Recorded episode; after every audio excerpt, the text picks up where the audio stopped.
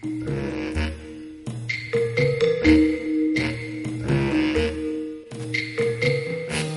ja molt temps que el prestigiós escriptor Ricard Closa li seguia les passes. Des que va participar en un curs d'escriptura creativa, el Ricard no podia deixar d'escriure. Gaudia escrivint contes, contes molt curts, petites històries quotidianes que revifaven la seva passió per la lectura i l'escriptura i que generosament compartia al seu blog. Per cert, Només dir-vos que qui estigui interessat en conèixer els seus relats pot consultar el seu blog, el contacontes www.contacontes.blogspot. Però ara, si em permeteu, us continuo explicant. Com anava dient, feia ja un temps que el Ricard estava força preocupat. Alguna cosa estranya estava passant amb les seves històries. Sí, sí, era raríssim.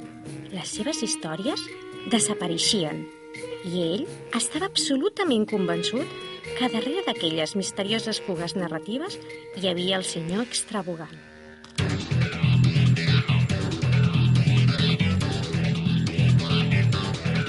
El senyor extravagant, puntual, va entrar en aquella estranya habitació de color daurat lluminós i es va dirigir calmosament a una enorme pantalla de televisió. A les 8 i 10 minuts es connectar i inicia una espècie de videoconferència.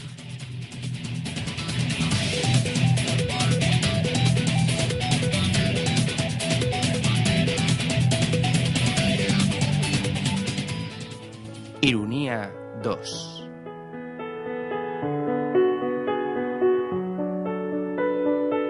Aristide Trom s'havia cansat de viure.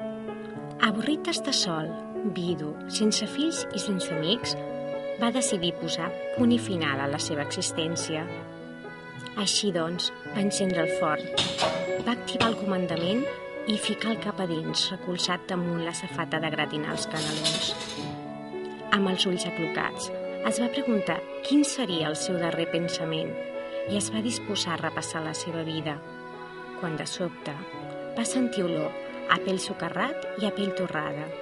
Va ser aleshores que va recordar que aquell forn era elèctric.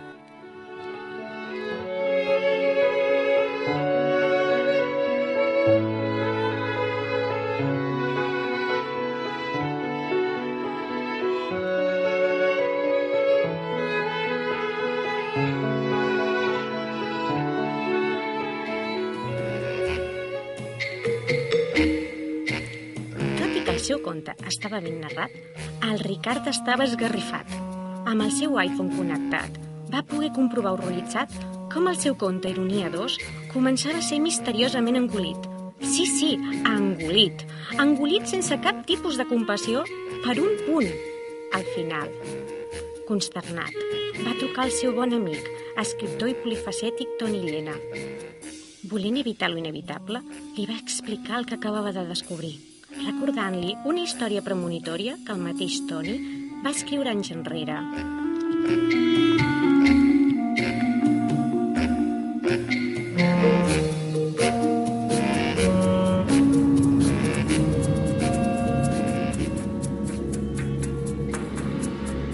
Cròniques marcianes.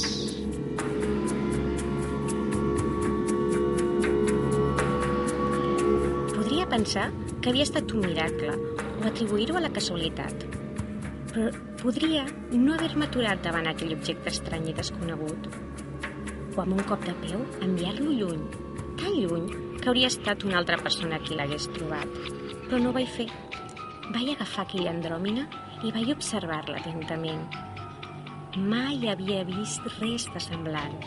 Era un objecte rectangular de color negre amb unes lletres i una il·lustració de color taronja. Sota el dibuix, unes lletres color blanc. Vaig llegir-les. Ray Bradbury. Un cop de vent a punt va estar de treure'm de les mans aquell intimari. Però una força que encara no sabia que podia ser, ni les conseqüències que em podien ocasionar, m'ho van impedir. El vaig agafar ben fort i el vaig amagar entre la camisa i la pell. Un neguit em recorria el cos.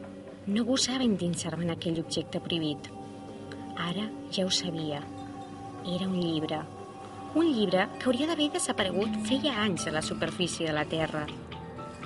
Si això ja era sorprenent, més ho era haver-lo trobat a Mart l'any 2012. I si això et sembla poc casual, estimat lector, més ho era el títol, Cròniques marcianes. Semblava escrit i oblidat en aquell mar assecat de pedres blavoses expressament perquè el trobés jo, el primer català a Mart. Sabia de la prohibició d'aquella mena d'estris i del que havia passat feia quatre dècades al meu planeta originari. Tots els llibres, revistes i pel·lícules havien estat destruïts en fogueres o forts crematoris. Haver trobat el llibre, traduït a la meva llengua i a tants quilòmetres a distància, bé duria voler dir alguna cosa. D'amagat de tothom, vaig començar la lectura. De primer, no m'ho podia creure. Aquell llibre explicava el procés de colonització del planeta que ara habitàvem, gairebé fil per randa, però estava escrit molts anys abans. Per continuar la lectura, em vaig haver d'amagar.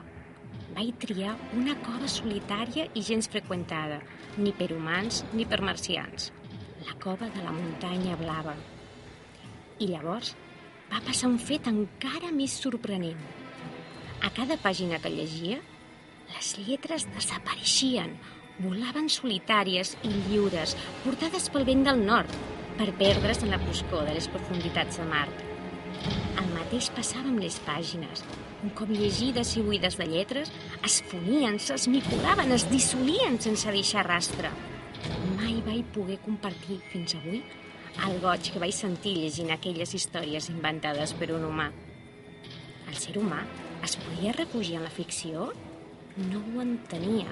Sempre m'havien dit que havia d'enfrontar la vida tal com venia, sense fugir-ne, encarant els fets tal com venien, fent camí, fent cas del camí que ens marcaven, sense qüestionar l'opinió i bon fer dels líders.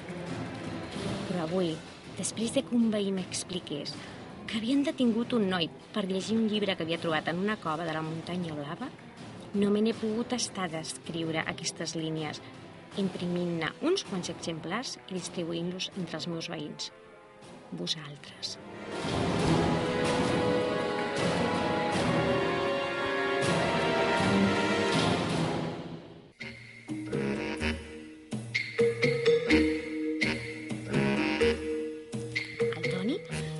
I afectat pel que li acabava d'explicar el Ricard, en un tres i no res, es va reunir amb l'escriptora Lluís Sabante, que ens convida a tots a visitar la sala d'exposicions Binart, ubicada a la plaça de l'Ajuntament i on fins al 28 de novembre ens ofereix la possibilitat de conèixer l'obra del jove poeta igualadí David Soler Ortínez, Ara que no em veus, un llibre de poemes d'amor il·lustrat també per l'igualadí Jordi Quadres.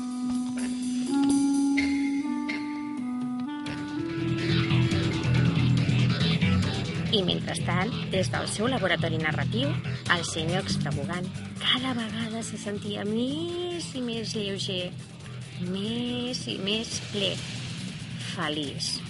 I és que, a través d'aquella gran pantalla, gaudia d'aquells contes amb una multitud de petits éssers d'infinites formes i colors, alegres i juganers, que esperaven amb ansietat que arribés el vespre per obtenir la seva porció d'energia vital. Bé, i ara el postre, els hi va dir afectuosament el senyor extravagant. I el postre d'avui veureu que és una saborosa història de la Lluís Savante que es titula Pluja del desert. Assaboriu-la, petits, assaboriu-la perquè ja és la última.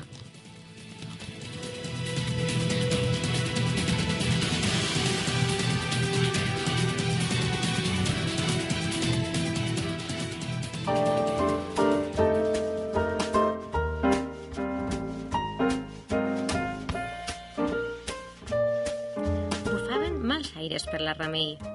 Ja feia temps que res del que feia li sortia bé. A la feina, si aconseguia un client nou, resultava ser un morós o un impresentable i el seu cap la pressionava cada dia més.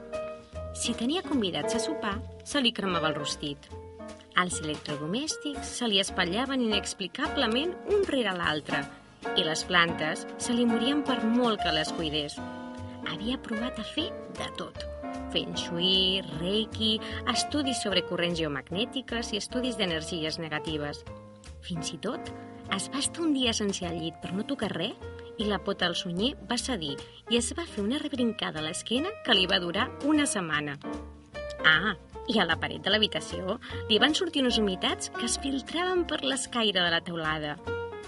Una mèdium va sentenciar que senzillament era gafe.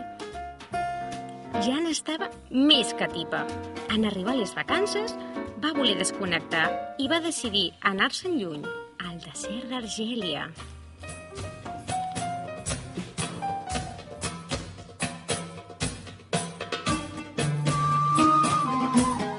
Sempre li havia agradat el desert, amb els seus paisatges infinits i canviants, com si la terra fos molejable, regalant-te una sorpresa nova cada dia. Desert, tot el que es viu s'ha de saber veure. Tot és ínfim, com les flors i els animals. Va fer un recorregut pels pobles beduïns. Va prendre el té calmós i fort dels tuaregs. Va sentir explicar històries increïbles dels homes blaus sota aquelles fredes nits estrellades. I al final va passar cinc dies en un oasi al mig del Norrer dormint amb una Jaima. Com que ja feia temps que havia après l'art de viatge amb poca roba, va aprofitar les fonts d'aquell verge mínim per rentar les quatre peces que portava i estendre-les al sol. De cop, es va girar un vent enfurismat i uns núvols foscos de tempesta van tancar el cel a sobre seu. L'aiguat que va descarregar va ser tan espectacular que va deixar inservibles les tendes, els cotxes tot terreny enfonsats al llot i la roba estesa empapada i fangosa. Van quedar xops com polls, fins al moll de l'os. En uns moments, sorgits a tot arreu, tots els nens dels habitants del poblat van sortir cridant sota la pluja, amb grans rialles, crits d'alegria i les mans en l'aire. Tothom li va assegurar que feia tres anys que no queia ni una sola gota i que l'únic corrent subterrani estava al límit, que era ella la que havia portat la pluja beneïda i en agraïment la convidaven a quedar-se tant temps com volgués. Durant tres mesos va ploure cada dia i aquell jardí quasi desèrtic es va tornar espectacular als peus del palmerar.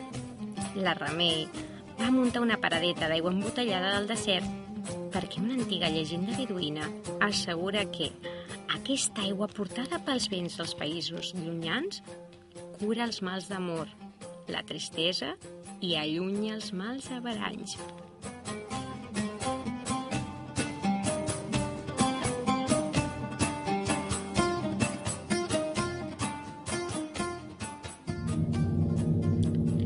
L'altra banda de la pantalla, un xivarri de veus poc madures i estridents es trastien en crits i ovacions de caràcter festiu. Decidir fotre el camp abans que aquell esquàlid però perillós homenet el descobrís. Però tranquils, perquè si us heu quedat amb les ganes de descobrir qui és i què fa amb les històries el misteriós senyor extravagant, us espero el pròxim 29 de novembre aquí, al de què parlem amb més contes dels referits a l'Ateneu.